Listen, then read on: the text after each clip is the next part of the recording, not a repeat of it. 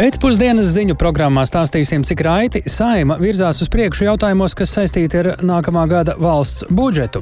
Bet prasība saimnes deputātiem vakcinēties pret covid atzīt par neatbilstošu satversmei. Tiesa lēma tieši saistībā ar saimnes deputātu tiesībām, bet 96. pāns, kas tieši saistās ar privātās dzīves neaizskaramību, pagaidām netika vērtēts, tāpēc uh, izskatās, ka tur būs vēl daudz darba. Ko Ukrāņi atzinuši par otru lielāko problēmu valstī tūlīt aiz Krievijas iebrukuma? Par to visu plašāk raidījumā pēcpusdiena kopā ar mani Tāli Eipuru.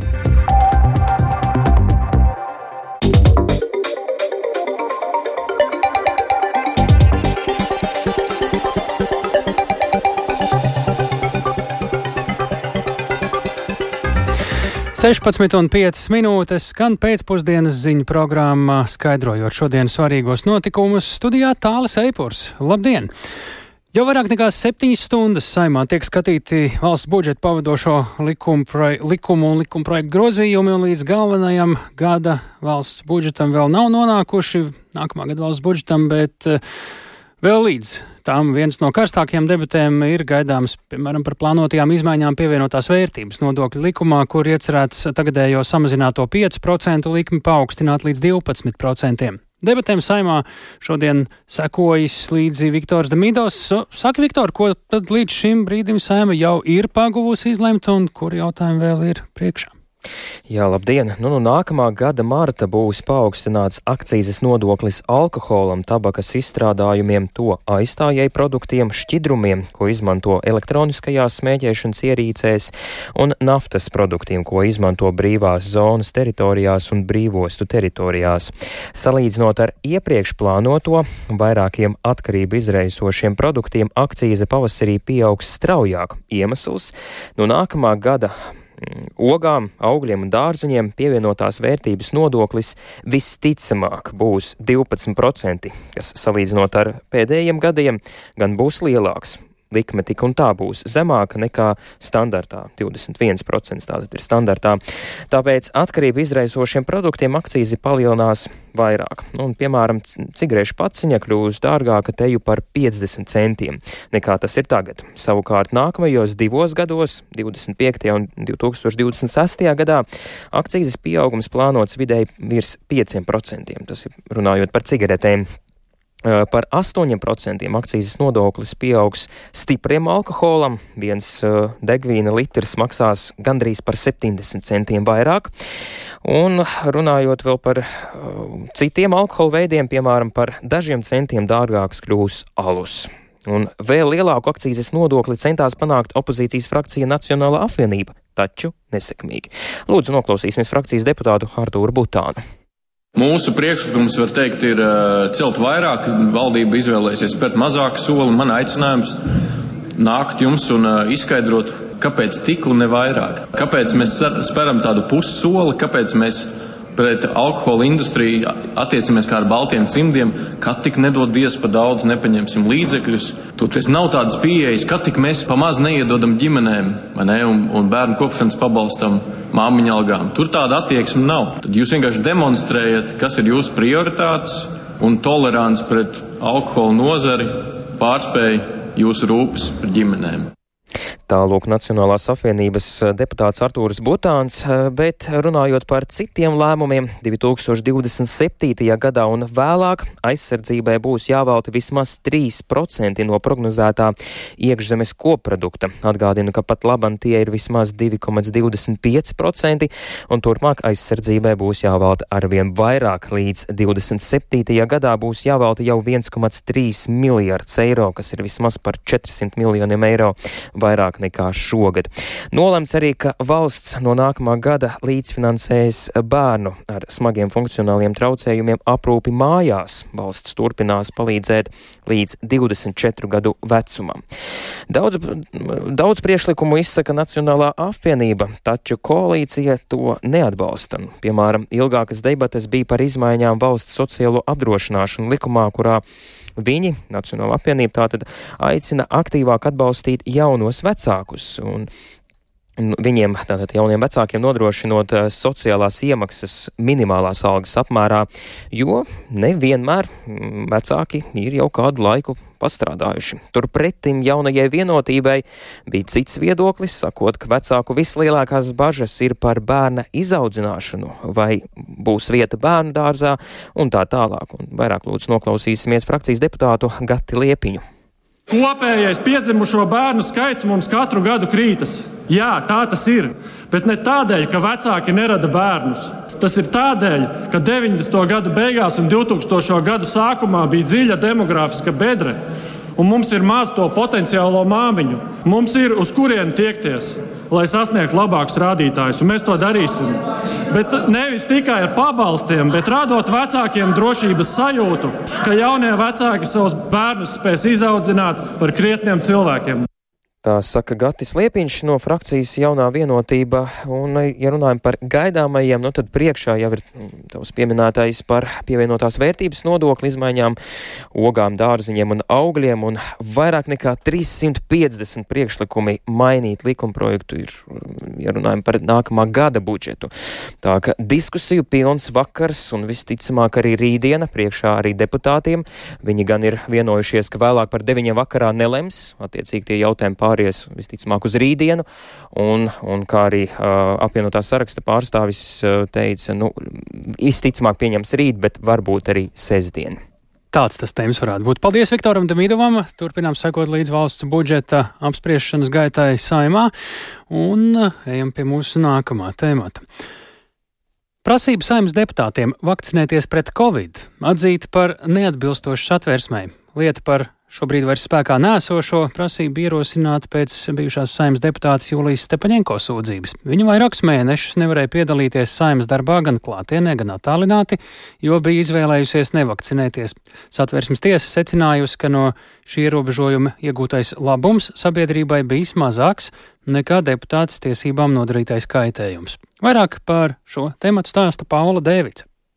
Covid-19 pandēmijas apkarošanai Latvijā tika ieviesti dažādi ierobežojumi, lai samazinātu kontaktus sabiedrībā un arī veicinātu vakcināciju. Tostarp no 2021. gada 15. novembra līdz 2022. gada 31. martam spēkā bija likums, kas paredzēja saimas un pašvaldību deputātiem uzrādīt vakcinācijas vai izslimošanas certifikātus, lai piedalītos darbā. Bijusī deputāte Jūlija Stepaņenko tolaik bija vienīgā vienīgā, kas šos certifikātus neuzrādīja un līdz ar to arī nepiedalījās saimas sēdēs. Balstoties uz to, Stepaņenko pieteica lietu satversmes tiesā, pamatojot, ka šī likuma norma neatbilst pamatlīkuma 96. pantam, kas nosaka tiesības uz privāto dzīvi, kā arī 101. panta pirmajai daļai, kas nosaka Latvijas pilsoņu tiesības piedalīties valsts un pašvaldību darbā. Satversmes tiesa bijušās deputātes prasību apmierināja un atzina šī likuma neatbilstību satversmei. Vairāk stāsta satversmes tiesas priekšsādātājs Aldis Laviņš. Ikvien viena saimnes deputāta viedoklis parlamentārā demokrātijā ir svarīgs. Un satversmes tiesa konstatēja, ka sabiedrības iegūtais labums no tā, ka tiek liekts darboties pilnvērtīgi vienam saimnes deputātam tādos apstākļos, kad saima lēmumus varēja pieņemt attālinātā formātā, tomēr ir mazāks nekā vienam deputātam nodarītais viņu tiesībām kaitējums. Tiesa secināja, ka ierobežojums bez certifikāta strādāt klātienē ir samērojums ar citu cilvēku tiesībām, šajā gadījumā neapdraudēt savu veselību. Bet vienlaikus tiesas ieskatā nav pamatojuma tam, ka šī prasība tika saglabāta vēl mēnesi pēc ārkārtējās situācijas beigām 2022. gada februāra beigās, kad līdzīgu prasību saglabāja vien četrām sabiedrības grupām, kuru darbā nevar izvairīties no plaša kontakta ar cilvēkiem, piemēram, pedagogiem pedagogiem. Stepaņenko Latvijas radio skaidro, ka tiesas lēmums ir loģisks. Šodien satversmes tiesa lēma tieši saistībā ar saimnes deputātu tiesībām turpināt darbu saimā, bet uh, 96. pāns, kas tieši saistās ar privātās dzīves neaizskaramību, pagaidām netika vērtēts, tāpēc uh, izskatās, ka tur būs vēl daudz darba. Mēs gaidām vēl um, tālāko darbību attiecībā uz citiem darbiniekiem, kuri tika atstādināti un atlaisti nevakcinēšanās dēļ. Sagaidāms, ka drīz nākamā gada sākumā mēs uh, cīnīsimies tālāk, varbūt arī nonākot līdz tai pašai satversmes tiesai citos jautājumos. Tiesā norāda, ka apstrīdētā prasība neļāva Stepaņenko saņemt paredzēto atalgojumu, tāpēc tagad bijušai deputātei būs iespēja pieprasīt tā izmaksu. Pieteicēja gan atzīst, ka lēmumu par atalgojumu izmaksas pieprasīšanu pieņems tad, kad būs iepazinusies ar pilno spriedumu. Konstitucionālo tiesību eksperts Edgars Pastars skaidro, ka tiesas lēmums bijis paredzams. Lai arī ierobežojumu noteikšanai bija leģitīms mērķis, šajā gadījumā tie nav bijuši samērīgi norma atcēla ar atpakaļvērstu spēku, tas ir pietiekami reti. Tas ir nozīmīgs signāls. Nolūkā, lai deputāti konkrētā varētu aizstāvēt savas tiesības, tā skaitā, piemēram, prasot nesaņemt to, darba samaksu. Pēc būtības mācība, ka nedrīkst pieņemt likumus uz emociju, populisma vai tādu paktu vai apsvērumu pamatu, nu, ar kuriem nevar sasniegt mērķi. Pastars skaidro, ka uz šī sprieduma iespējams balstīties arī citos līdzīgos tiesas procesos. Apstrīdētā norma atzīta par spēkā nēsošu no 2021. gada 15. novembra, proti no brīža, kad Stepaņenko tika liektas tiesības pilnvērtīgi piedalīties saimas darbā. Paula Dēvica, Latvijas radio. Ja vakcinēšanās deputātiem atzīta par nesamērīgu un neatbilstošu satversmē, tad pienākums pašvaldībām demontēt padomju režīmu slavinošus objektus atzīts par atbilstošu valsts pamatlikumam. Prasību tiesā bija iesniegusi Daugopils doma, sakot, ka pilsētā atlikušie padomju laika pieminekļi neslavinot padomju režīmu un ir veltīti kara upuru piemiņai, kā arī uzskatīja, ka šādus jautājumus pašvaldība var lemt pati un to nevar noteikt valsts un lietoja vēl arī citus argumentus. Tikmēr satvērsmes tiesa secinājusi, ka, piemēram, par demontējumiem noteiktie sarkano armiju slavinošie objekti uzstādīti ar mērķi pārveidot Latvijas iedzīvotāju atmiņas un emocijas par piedzīvotajiem okupācijas varas noziegumiem, kā arī lai atgādinātu par padomju varas pastāvīgu klātesību. Turklāt valstī ir tiesības likt demontēt šādus pieminekļus, pašvaldībai ļaujot izvēlēties demontāžas veidu, laiku. Turklāt arī finansiālais sloks darba veikšanai pašvaldībai nav bijis nesamērīgs. Satvērsmes tiesas spriedumu komentē Daugopils domas mērs no saskaņas ievēlētais bezparteiskais Andrejs Elksniņš. Satversmes tiesa noraidījusi Daugopils pašvaldības prasību par neatbilstošām satversmei atzīt normas, kas uzlika par funkciju demontēt pieminekļus par pašvaldības budžeta līdzekļiem. Būdams jurists, respektēju satversmes tiesas spriedumu. Ceru, ka tas nekļūs par pamatu pašvaldībām arvien biežāk uzlikt pienākumus bez atbilstoša finansiāla seguma, kas tikai un vienīgi nostiprina pārliecību, ka Eiropas pašvaldību harta Latvijā nedarbojas. Daugopils mērs Andrēs Elksniņš ilgstoši centās panākt, lai pieminekļi netiek nojaukti. Pašlaik tas jau ir izdarīts. Un atgādinām, ka jautājums par pieminekļu nojaukšanu īpaši aktualizējās pēc Krievijas sāktā kara pret Ukrainu. Šodien ir sākusies parakstu vākšana referendumu rosināšanai par partnerības institūtu ieviešanu. Tā ilgs līdz 5. janvārim. Kā liecina pētījuma centra Norstat sadarbībā ar LSMLV veiktā iedzīvotāja aptauja, ja šāds referendums notiktu, tajā partnerības institūta būtu gatavi atbalstīt 32, bet pret būtu 30% aptaujāto. Bet cik gatavi parakstīties par referendumu ierosināšanu ir iedzīvotāji, to cilvēkiem Rīgas ielās vaicāja kolēģe Anna Apīne. Cik nozīmīgs jums ir jautājums par partnerattiecībām? Man šķiet, man personīgi varbūt ne tik ļoti, bet man tas ļoti svarīgi, ka manā valstī tas ir pieņemts. Protams, mana ģimene, manas attiecības ar vīru ir ļoti svarīgas. Nu, un, protams, arī gribētos, lai arī valsts līmenī arī tas būtu aizsargātas. Es neesmu par to nekādīgi domājis. Man tas netrauca nekādīgi. Ir ģimene, ir bērni. Tas ir ļoti svarīgi. Es uzskatu, ka jābūt vīrietim un sievietai ir rīktīgi ģimene. Godīgi sakot, es neesmu priecīga par to, ka ir legalizētas eh, vienkārši partneru attiecības, eh, kas ir, nu, jebkurš cilvēks, arī citu cilvēku, jebkuras orientācijas var uh, savas attiecības parakstīt. Es nezinu, kā to paskaidrot. Tam jābūt kā dievs nolicis kopš pasaules gala. Partneru attiecības, laulības var veidot starp vīrieti un sievieti, un nekādīgi ne savādāk. Nu, īsti tas mani neskar. Un jūs ietu balsot? Oi, par to nav viedoklis pagaidām nekāds. Man laikam tas īpaši nav svarīgi. Es nezinu, vai es laikam neietu atbalstīt. Es domāju, ka nē. Ja man būtu laiks, noteikti ietu. Protams, pret. Grūti pateikt. Nezinu, varbūt arī pat nē. Vairāk tā kā laikam nē. Tā Rīgas ielās sastapti iedzīvotāji, komentējot eh, iespēju parakstīties par referendumu ierosināšanu attiecībā uz partnerattiecību institūtu ieviešanu. Bet ko Ukraiņi atzinuši par otru lielāko problēmu valstī tūlītais Krievijas iebrukuma? Un vai apstiprināsies neoficiāla informācija, ka Latvijas futbola izlases galvenā trenera amatu varētu zaudēt eh, Dainis Kazakevičs? Šie un citi temati raidījumi pēcpusdienu turpmākajās minūtēs.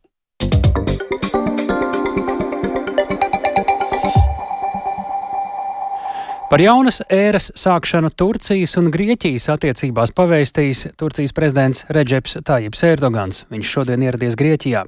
Lai arī attiecības starp abām valstīm vēsturiski dažādu dzīļu domstarpību dēļ ir bieži bijušas nokaitētas, gan Atēnas, gan Ankara vienlaikus vēlas meklēt arī saskarsmes punktus un mēģināt atgriezties pie normāla dialoga. Tas savukārt varētu palīdzēt Turcijai uzlabot attiecības ar Eiropas Savienību un citiem rietumu sabiedrotajiem. Plašāk stāsta Rihards Plūme. Ilgstošie strīdi starp Grieķiju un Turciju pēdējos 50 gados trīs reizes ir noveduši abas valstis līdz kara slieksnim. Pēdējais uzliesmojums notika 2020. gadā, kad abu valstu karaflotes kuģi vidusjūras austrumos veica savstarpējus sekošanas manevrus. Spriedzi izraisīja domstarpības par jūras robežām un resursu izpētes tiesībām Egejas jūrā un Vidusjūras austrumos. Attiecībām pasliktinoties, Turcijas prezidents Reģeps Teips Erdogans vēl pagājušajā gadā paziņoja, ka vairs nav ieinteresēts tikties ar Grieķijas premjeru Kirieku Mitsutaki. Tomēr abu pušu attiecības ir uzlabojušās kopš februāra, kad Grieķija nosūtīja glābējus un palīdzību uz Turciju pēc masīvas zemestrīces, kurā gāja bojā bojā vismaz 50 tūkstoši cilvēku. Šodien Turcijas līderis ieradies vizītē Atēnās, un tas liecina par tālākiem centieniem uzlabot attiecības. Tiesa, šie centieni joprojām ir tikai sākuma stadijā, tā uzskata starptautisko attiecību pētnieks Konstantīns Filis. All, we need to make it clear that Greece and Turkey Pirmkārt, mums jāsaprot, ka starp Grieķiju un Turciju pašlaik nav dialoga. Drīzāk tiek īstenoti centieni konsolidēt deeskalāciju, pārvērst to normalizācijā un izcelt problēmas, par kurām abas puses var vienoties. Kad būsim tikuši galā ar šo, tiks radīts labāks klimats, kas var novest pie dialoga labākos apstākļos. Ir ceļakārte, bet dialogs starp abām pusēm pašlaik nav. Neskaitot to, ka šodien līderi aizdīto piecu mēnešu laikā tiekas trešo reizi nekāda cita būtiska progresa jautājumos starp Grieķiju un Turciju nav. Turcijas līderi vizītē pavada arī vairāki ministri, kas tiekas ar Grieķijas kolēģiem un parakstīs vairākas sadarbības vienošanās. Piemēram, viens no līgumiem attiecas uz migrāciju un paredz izveidot komunikācijas kanālus starp abu valstu krasta apsardzes dienestiem. Erdoganu pavadošā diplomātu svīta ar Grieķijas kolēģiem risina arī ilgstošo problēmu par abu pušu teritoriālajiem strīdiem Egejas jūrā. Taču kopumā nekādu lielu izrāvienu šī vizīte nesolot. Tā norāda grieķu laikraksta Katemerīnī, angļu versijas galvenais redaktors Atanasijas Elis. Well, we'll es nedomāju, ka redzēsim kādu izrāvienu. Ir iedrošinoši signāli, ka pašlaik nav konfliktu, un no Ankaras nenāk nekādi draudi, bet izrāviena nebūs, un šī vizīte varētu būt turpinājums mierīgajam periodam attiecībās, bet jābūt piesardzīgiem, jo būtu priekšlaicīgi svinēt saspīlējuma beigas. To, uh, Erdogans vizītes laikā jau ticies ar Grieķijas premjerministru un arī Grieķijas prezidenti Katarīni Sakeralopulu. Amatpersonas pārunājušas tirdzniecības un reģionālos jautājumus, kā arī sasāpējušo migrācijas jautājumu. Tāpat iespējams pārunāta arī situācija Izrēlā, kur abām pusēm ir atšķirīga nostāja. Pēc tikšanās ar Grieķijas prezidenti un premjeru Erdogans sacīja, ka viņa mērķis ir gandrīz dubultot divpusējās tirzniecības apjomu līdz 9,3 miljardiem eiro. Tāpat viņš pauda pārliecību, ka abu valstu pūliņi novedīs pie jauna laikmeta Turcijas un Grieķijas attiecībās, piebilstot, ka pusēm jābūt optimistiskām un nav nevienas problēmas, kuru nebūtu iespējams atrisināt. Rihards Plūme, Latvijas radio. Krievijas agresija pret Ukrainu un korupcija. Tieši šīs divas problēmas Ukrainas iedzīvotāji sabiedriskās domas aptaujā atzinuši par šobrīd svarīgākajām valstīm. Turklāt pēdējā laikā audzis iedzīvotāju satraukums par korupciju gaidāmajā Ukrainas atjaunošanas procesā, kamēr pie kara un postījumiem pamazām sākts pierast. Plašāk par šīs aptaujas rezultātiem esam sazinājušies ar Latvijas radio korespondentu Ukrainā Indru Sprānci. Sveika, Indra! Kas šobrīd ir redzams, kas ir mainījies Ukraiņu noskaņojumā, uzskatos? Labdien, jā, sabiedrība par atklātību Transparency International Ukrainas birojas šodien iepazīstināja ar savu jaunāko sabiedriskās domas pētījumu par Ukrainas iedzīvotāju noskaņojumu, un uh, tas šogad veikts jau otro reizi. Pirmo reizi cilvēku aptaujāti martā, bet otro reizi novembrī. Un uh, salīdzinot abas aptaujas, Ukraiņu galveno problēmu tops nav mainījies. Pirmajā vietā ar absolūtu pārsvaru kā lielākā problēma, kas satrauc norādīt Krievijas agresiju pret Ukrainu. Otrajā - korupcija, bet trešajā - kara laikā nodarītie postījumi Ukrainas infrastruktūrai, saimniecībai un dzīvojamajām ēkām. Taču interesanti, ka salīdzinot ar martu, ir palielinājušās iedzīvotāju bažas par iespējamo korupciju Ukrainas atjaunošanas procesā, bet drusku sarukušas bažas par karu un nodarītiem postījumiem. Un tas tiek skaidrots ar to, ka Ukraiņi pamazām, pamazām sāk adaptēties un pierast pie kara kā tādas ikdienas, vienlaikus kļūst neiecietīgāk pret koruptīviem procesiem. Un paklausīsimies mazu fragmentiņu no Transparency International izpildu direktora vietnieces Anastasijas Mazurokas šodien stāstītā.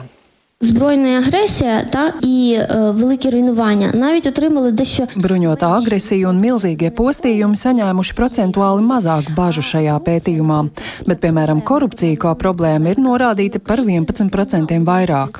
Tas ir diezgan nozīmīgs rādītājs. Kopumā mēs redzam, ka ir lielākas bažas par situāciju valstī un lielāks pieprasījums jautājumos, kas saistīti ar pašu saimniecisko darbību un nākotni kopumā. і загалом майбутнього. Jā, un kā norādīja organizācijas pārstāv, Ukraiņu uzmanība gada nogalē arvien vairāk tiek pievērsta iekšējām problēmām, un korupcija šeit tiek uzskatīta kā visu nopietno Ukrainas problēmu iemiesojums. Aptaujātie cilvēki prasa no varas iestādē viņu iesaistīšanu un godīgu dialogu visos jautājumos, kas skar Ukrainas atjaunošanu, un, kā esmu jau stāstījusi sižetos, ēku atjaunošana šobrīd Ukrainā pamazām, pamazām sākas ar dažādām skolām, bērnu dārziem, vietām notiek arī dzīvojamo ēku atjaunošana. Bet, kā atzīst aptaujas dalībnieki, tad postījumi ir tik daudz, ka to novēršanai būs vajadzīgs ilgs laiks un daudz gadi. Tāli. Jā, Indri, cik tad uh, efektīvi Transparency International ieskatā Ukrainai šobrīd izdodas cīnīties ar korupciju? Nu jā, kā šodien atzina šīs organizācijas izpildirektors Andrijs Boroviks, tad tas ir atkarīgs ar ko salīdzina. Ja salīdzina ar 2014. gadā gāstā Ukrainas prezidenta Viktora Janukoviča valdības laiku, Tātad pirms desmit gadiem tad izmaiņas cīņā ar korupciju ir būtiskas. Tobrīd Janukoviča periodā korupcija bijusi veids, kā visa valsts pastāvējusi, kā eksistējusi. Un um, turpina Transparency International pārstāvs Andrijs Boroviks. Taču uz korupciju ir progress. Nu, Tas, ka attiecībā uz korupciju ir progress, par to liecina korupcijas uztveres indeks. Lai arī tas ir par uztveri korupciju valsts sektorā. Desmit gadu laikā mums tur ir plus astoņas balles. Pirms desmit gadiem mums tur bija zems vērtējums - 25. Simts nozīmē nav korupcijas, nulle - pilnīga korupcija. Cilvēku nav, nekā nav, ir tikai vispārēja korupcija. Līdz ar to mums tur ir progress. то у нас є такий прогрес. Jā, šis progress ir salīdzinot ar gāstā prezidenta laiku, taču Ukraina joprojām pamatīgi atpaliek no Eiropas valstu vidējiem rādītājiem arī šajā pašā korupcijas uztveres indeksā. Un, taču sabiedrības par atklātību pārstāvs gan norādīja, ka aktīvi strādājot, viņš redz, ka divu gadu laikā arī šos rādītājus varētu ievērojami uzlabot. Arī vērtējot tiesību sargājošo iestāžu darbu, Boroviks atzīmē, ka pēdējo gadu laikā Ukrainā ir arī pieņemta virkne ļoti būtisku tiesas spriedumu korumpētām amatpersonām, kas liecina, ka apkarošana uzlabojās, bet, nu, protams, tādu spriedumu nepieciešams vairāk, tāpat viņi ieskatā arī valsts iestādēm būtu proaktīvi jārunā par korupcijas problēmām, lai turpinātu mazināt, šo iedzīvotāju toleranci pret šo sērgu. Tā. Paldies, Indras Prāncē, ziņojot par situāciju ar korupciju un Ukrainas sabiedriskās domas aktualitātēm tiešraidē no Ukrainas. Atgriežamies Latvijā. Sniegs joprojām ir aktualitāte vidzemē. Sniega sēga ar lielāku vai mazāku devu tiek papildināta vai ikdienu. Pašvaldību dienestiem tas nozīmē darbu un dežūras visu diennakti un, protams, arī izdevumus. Savukārt šoferiem, braucot pa lauku ceļiem, tagad līdzi jāņem nevien lāpsta, bet arī zāģis, jo no sniega svāros ceļiem var būt sakrituši lūstošie koki un to zāri. Un plašāk par to, kā sniegs ietekmē ikdienu, vidzemes korespondentes Guntis Matisons ierakstā. Darba diena var sākties arī divos naktī, arī vienos, arī dienā, atkarībā no situācijas. Zjāvāmies namsaimnieks darbinieks Māris Saktiņš savu darbu dienu tagad salīdzina ar operatīvo dienestu ikdienas ritmu, kad ik brīdi ir jābūt gatavībā. Tev jābūt gatavam, jo kurā brīdī tev var zvanīt telefonam, slēgt jābūt pieejamam. Ilgstošas nikšanas gadījumā nobraucam tās stundas, paguļām, tad atkal sākam. Ziemas dienestā ir diennakts dežurants kurš ik pēc divām stundām noteiktā maršrutā apseko visu pilsētu. Sijāvāmies namsaimnieks valdes priekšsēdētājs Andris Kabraks papildina stāstīto un uzsver, ka, protams, primāri tiek tīrītas pilsētas galvenās ielas, bet kopumā tās ir 233 ielas 130 km garumā. A, B klases ielas mums jānotīra primāri, līdz ar to Bieži vien var veidoties arī tāda situācija, ka konkrētajā dienā vispār šīs mazās ielas nemaz netiek tīrītas, tiek pagaidītas kaut kādas vairākas dienas, un tad ķerās klāt šīm mazām ielām. Tāpēc tāda situācija arī var būt. Cīnāmies tā par sniegvaļņiem pilsētās un ielu tīrīšanu pēc kārtējās sniegšanas, saka arī citās pašvaldībās.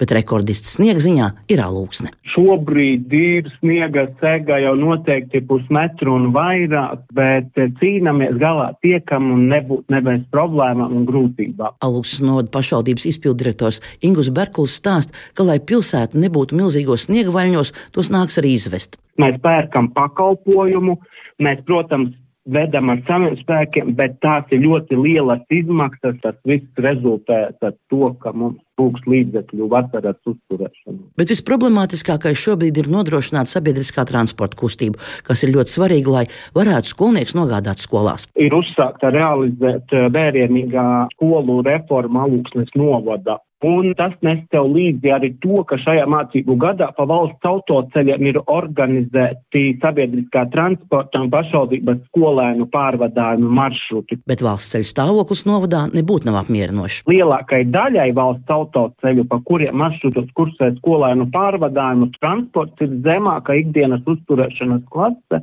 kā rezultātā ceļi kļūst neizbraucami un sabiedriskā transporta sniedzēji pat pašvaldību ir brīdinājuši par iespējamu sniegšanu, pakalpojumu pārtraukšanu. Alūksnē sniegs gan ātrāk uzsnē, gan arī tā ir daudz vairāk kā apkārtējos nodos. Gan arī, kā mēdz ironizēt alūksnē, tas nereti nokūst tikai ap jāņiem. Līdz ar to ceļu uzturēšana te prasa vairāk naudas. Mazāk paliek līdzekļu, lai uzturētu ceļus uh, vasaras periodā, un vairāk kārt esam vērsuši uzmanību arī satiksmes ministrijā un Latvijas valsts ceļiem ņemt šo apstākļu vērā, šos laika apstākļus un nākt palīgā ar finansējuma varbūt pārskatīšanu vai koeficienta pielietošanu alūksnes novadam, lai mums šie līdzekļi būtu vairāk. Bagātīgā sniegsaga nesus vēl kādu problēmu. No tā smaguma lūst koki un vajag dienu glābējiem ir izsaukuma attīrīt brauktos. Dienest vecākā inspektora Sandra Vēņa aicina autovadītājus izvērtēt, vai vienmēr situācijas ir transporta un cilvēku apdraudošas un ir vajadzīga profesionāla glābēja palīdzība. Piemēram, ir nu, diennakts gaišais laiks un koks ir pārkritis Latvijas pusē ceļa pāri, kas nozīmē, ka autovadītājs braucot jau laicīgi pamana šo te apdraudējumu, var viņu apbraukt, izsaukt ceļu apsaimniekotāju. Cita situācija un arī bīstamība rodas laikā, kad ārā ir tumšs. Vēl, protams, mēs noteikti braucam uz šādiem izsaukumiem, kur koks ir pārkritis pār ceļu un to bloķējis, bet tur, piemēram, notiek autobusu satiksme, nepieciešams pārvietoties arī operatīviem citiem dienestiem. Nu, tad ir tā, nu, kā lai saka, tāda mazliet izvērtēšana, un ka varbūt nevienmēr uzreiz mazāko koku redzot pārkrituši pār ceļu, uzreiz saukt 112, bet izvērtēt šo situāciju un zvanīt arī ceļu apsaimniekotājiem. Bet varbūt arī savus zāļus saņem līdzi. Piemēram, dzīvojot apvidū, kur nu ir tādi mežaināki ceļi, tad, protams, ka tāda lieta nenāktu par sliktu. Tātad, dodoties ceļā, noderēs gan sniega lāpsta, gan zāģis, un ziema jau vēl tikai sāks. Gunta Matisona Latvijas Rādio vidzemē. Tagad dodamies zemgali. Labākais darbā ar jaunatni. Tieši šobrīd tiek noskaidroti uzvarētāji konkursā ar šādu nosaukumu. Izglītības ministrijas rīkotā konkursa mērķis ir par ieguldījumu jauniešu dzīves kvalitātes uzlabošanā izteikt atzinību pašvaldībām, darbā ar jaunatni iesaistītajiem, jaunatnes organizācijām, biedrībām, nodibinājumiem, kas strādā ar jauniešiem. Šobrīd esam sazinājušies ar Izglītības un zinātnes ministrijas parlamentāro sekretāru Silviju Reinbergu. Labdien! Labdien! Nu, šodien tiek apbalvoti labākie astoņās kategorijās. Ceremonija, ja nemaldos, rit jau kādu pusotru stundu, vai varam jau uzzināt, kurās kategorijās uzvarētāji ir, noskaidro, uzvarētāji ir noskaidrot, varbūt jau visās, cik tālu esam. Jā, būtībā mums pasākums nulakā iet uz izskaņu. Kā reiz esmu arī izskrējis ārā no pasākuma, lai sarunātos ar jums, jo nu pat pasniedz balvu uzvarētājiem nominācijā iedvesmas dzirks. Tā ir tā galvenā? Un, uh, tā ir noslēdzošā galvenā, tā teikt, viena no galvenajām. Mūsuprāt, visas šīs balvas un nominācijas ir vienlīdz brīnišķīgas, jo katra savā, savā tā teikt, nozarē, kur mums ir pašvaldības, kur mums ir organizācijas, bet šī iedvesmas dzirksts, kas ir tā skaistā noslēdzošā balva, tad tur mums jau uh, uzvarētāji ir zināmi. Ko, par ko piešķir šo gaidītāko šo uh, noslēdzošo balvu, šo iedvesmas dzirksti, cik bija pretendentu un kas saņēma?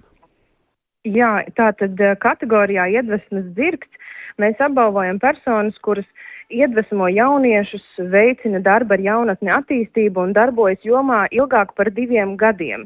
Eh, tie mums ir tādi galvenie priekšnosacījumi, un tad, protams, ir jānominē kādam šīs organizācijas šie cilvēki, kuri ir bijuši iedvesmas dzirksts jauniešiem. Eh, šogad uz šo nomināciju mēs vienmēr saņemam visvairāk izvirzītos pretendentus. Šogad tie mums bija 21.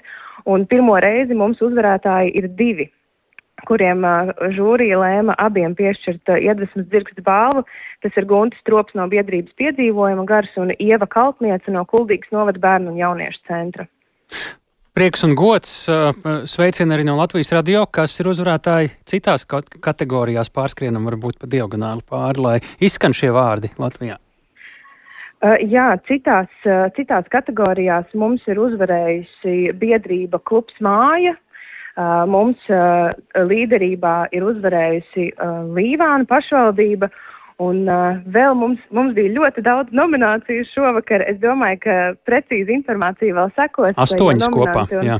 Un uh, apbalvotie mums ir bijuši vairāki, un uh, šo, šogad mums arī balva saucas supervaronis. Mēs pasniedzam tādas supervaroņu statuetes labākajiem darbā ar jaunatni. Un, un šis ir tik ļoti simboliski, ka mums ir tik daudz pretendentu, nominantu un arī uzvarētāju virknē kategoriju, kuri tad, tad ir mūsu supervaroņi. Es te pierakstīju labākais starts, straujākais lēciens, līdzdalības stiprinātais, veiksmīgākais projekts, drosmīgākais projekts, viedais atbalsts, jauniešiem draudzīga vide un jau mūsu pieminētā iedvesmas dzirks arī. Es saprotu, Bauskā notiek, kāpēc šī ceremonija? Jā, ceremonija notiek Bauskā, jo Bauska ir 2023. gada jauniešu galvaspilsēta.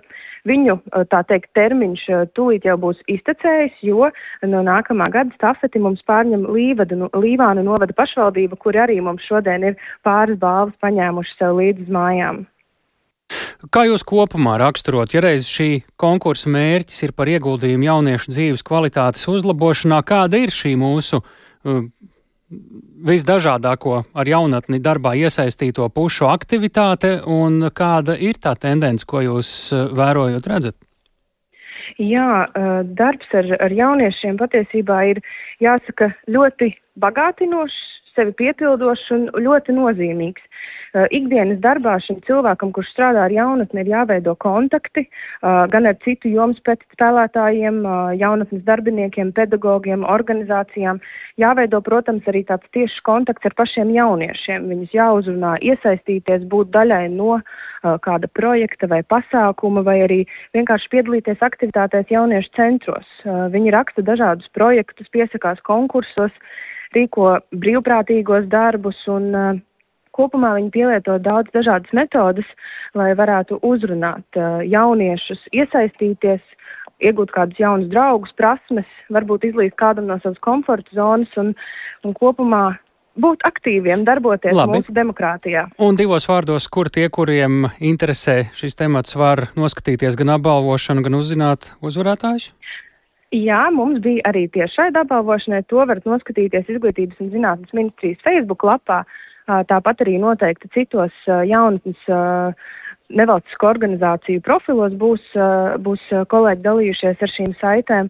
Un noteikti arī mēdījos izskanēs pilnīgi katrs mm uzvarētāja vārds, kurš ir mūsu supervaronis. Paldies! Sarunājāmies ar Silviju Reinbergu, izglītības un zinātnes ministrijas parlamentāro sekretāru, runājot par apbalvojumu labākais darbā ar jaunatni konkursu ar šādu nosaukumu. Bet Latvijas futbola izlasēji Būs jauns galvenais treneris, un Dainis Kazakevičs neturpinās vadīt valsts vienību. Tā liecina Delfi rīcībā esošā informācija. Un uh, to ir apstiprinājuši arī vairāki avoti. Sagaidāms, ka oficiāli par Kazakeviča atstādināšanu tiks paziņots šajās minūtēs, kad jānotiek Latvijas Futbola Federācijas preses konferencei. Visticamāk, ir gaidāms paziņojums par līguma laušanu pēc apusējas vienošanās, nevis Kazakeviča atlaišana. Un neoficiāli zināms, ka šāda vienošanās panākta vakar neformālā federācijas valdes locekļu sanāksmē. Šobrīd notiek, vai varbūt iespējams ir tikko beigusies futbola federācijas valdes sēde, kurā tiek arī uzklausīti ne tikai galvenās, bet pārējo izlašu treneri um, un arī tā skaitā Kazakēvičs kungs un Futbola federācijas sēdes noslēgumu preses konferences šodien gaida kolēģis Reinis Grunspēņķis. Reini, vai šī sēde jau ir beigusies un ir zināmi kādi oficiāli lēmumi vai pagaidām pagaid, paliekam vēl pie Delfa neoficiālās informācijas? Sveiks, tālāk, sveicināt klausītāji. Nu, LFF valdes sēde vēl joprojām nav beigusies. Tā notiek jau gan arī 5 stundas kopš 2012. dienā. Un, nu, šobrīd vēl nav zināms, cik drīz tā varētu beigties, bet runājot ar kolēģiem, kas jau ieradušies, tajā skaitā arī no Delfi, nu, tam būtu jānotiek jau tuvākās pusstundas laikā tāli. Nu jā, tik tālu tad mēs vēl varam gaidīt. Kā mēs gaidot šo lēmumu, varam rezumēt līdz šim Daņkas Geviča kļūšanu par izlases galveno treneri, tos uzdevumus, kas viņam bija doti un kā tad tie ir paveikti. Jā, nu Dainis Kazikevičs Latvijas futbola izlasi vadījis gandrīz četrus gadus. 2022. gada martā Lai gan jau toreiz netika izpildīti izvirzītie mērķi, līgums ar viņu tika pagarināts līdz pat 2024. gada beigām, un kopš līguma pagarināšanas viņa vadīšanas laikā Latvijas izlase ir spējusi pacelties UEFA Nāciju līgā no zemākās D līgas uz C līgu.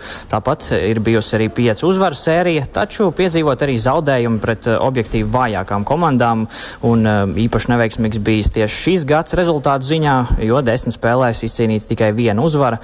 Un līdz ar to pirms tam izvirzītais mērķis par iekļūšanu 2024. gada Eiropas čempionāta fināla turnīrā arī šis mērķis nav ticis izpildīts. Nu, tāpat līdzdēji un futbola cilvēki ir kritizējuši Kazakēviču par um, dažādām, uh, piemēram, vēlām spēlētāju maiņām, dažu spēlētāju neiekļaušanu izlases rindās, uh, kā arī, piemēram, trenera komunikāciju publiskajā telpā. Tāli? Jā, Rēni, ko viņš pats, ko federācija līdz šim ir sacījuši par viņa nākotni izlases galvenā trenera amatā, kādi ir bijuši oficiālie signāli vēl pirms šiem neoficiālajiem? Nu, pats eh, Kazikevičs līdz šim ir bijis diezgan izvairīgs no šāda veida jautājumiem. Atceramies, eh, kad eh, nesen pēc vienas no spēlēm viņš atbildēja, ka viņam ir apnicis atbildēt uz šādiem jautājumiem. Nu, arī Futbola federācijas prezidents Vadims Ļašenko publiski nav īpaši kritizējis Kazikeviču, taču pirms nedēļas intervijā portālam Sports centrs kom viņš gan atzina, ka vērtē aizvadīto kvalifikācijas ciklu kā neveiksmīgu. Tāli? Šobrīd, kad mēs varētu apmēram sagaidīt jaunumus no Futbola federācijas valdes un arī iespējams kādu lēmumu, kā izskatās pat labāk? Jā, nu, kā jau es minēju, apmēram pusstunda varētu būt uh, tagad jau iespējams mazāk, kad arī LFF valdes sēde varētu mm -hmm. beigties, un tad jau jāgaida arī preses konference, kas arī varētu uh, aizņemt laiku, kad tā varētu sākties, bet, nu, protams, tuvākās, tuvākajā laikā jau tas arī varētu būt oficiāli zināms, kāds tad ir tas oficiālais lēmums, un uh, tad jau turpmākie jautājumi varētu būt, uh, nu, saistībā ar to, kas tad varētu būt, uh, kas tad varētu Jā. nākt Kazikeviču vietā, kas arī būs ļoti ļoti interesanti. Paldies Rēnim Grunspēņķim tiešraidē no aizdurvis pie durvīm, kur norit uh, sēde Latvijas Futbola Federācijai, spriežot par Latvijas futbola dažādu izlašu sniegumu, uzklausot trenerus, tā skaitā arī valsts vienības līdz šim galveno treneru Dainu Kazkeviču. Un visticamāk ziņās sešos uh, zināsim, kas tad tur arī ir nolēmts. Klausieties Latvijas radio viens. Šis bija ziņu raidījums pēcpusdiena. To veidojām mēs Tāls Eipurs, Lauris Zvejnieks, Uldis Grimbergs, Ernests Valts Fjodorovs. Šo pārraidi varat eh, klausīties arī savā ērtā laikā, lietojot eh, Latvijas radio mobilo lietotni. Un, protams, ka tajā var arī dalīties ar šo raidījumu. Bet mēs eh, skanām kā katru darba dienu un būsim atpakaļ arī rīt pēc ziņām 4 un 5.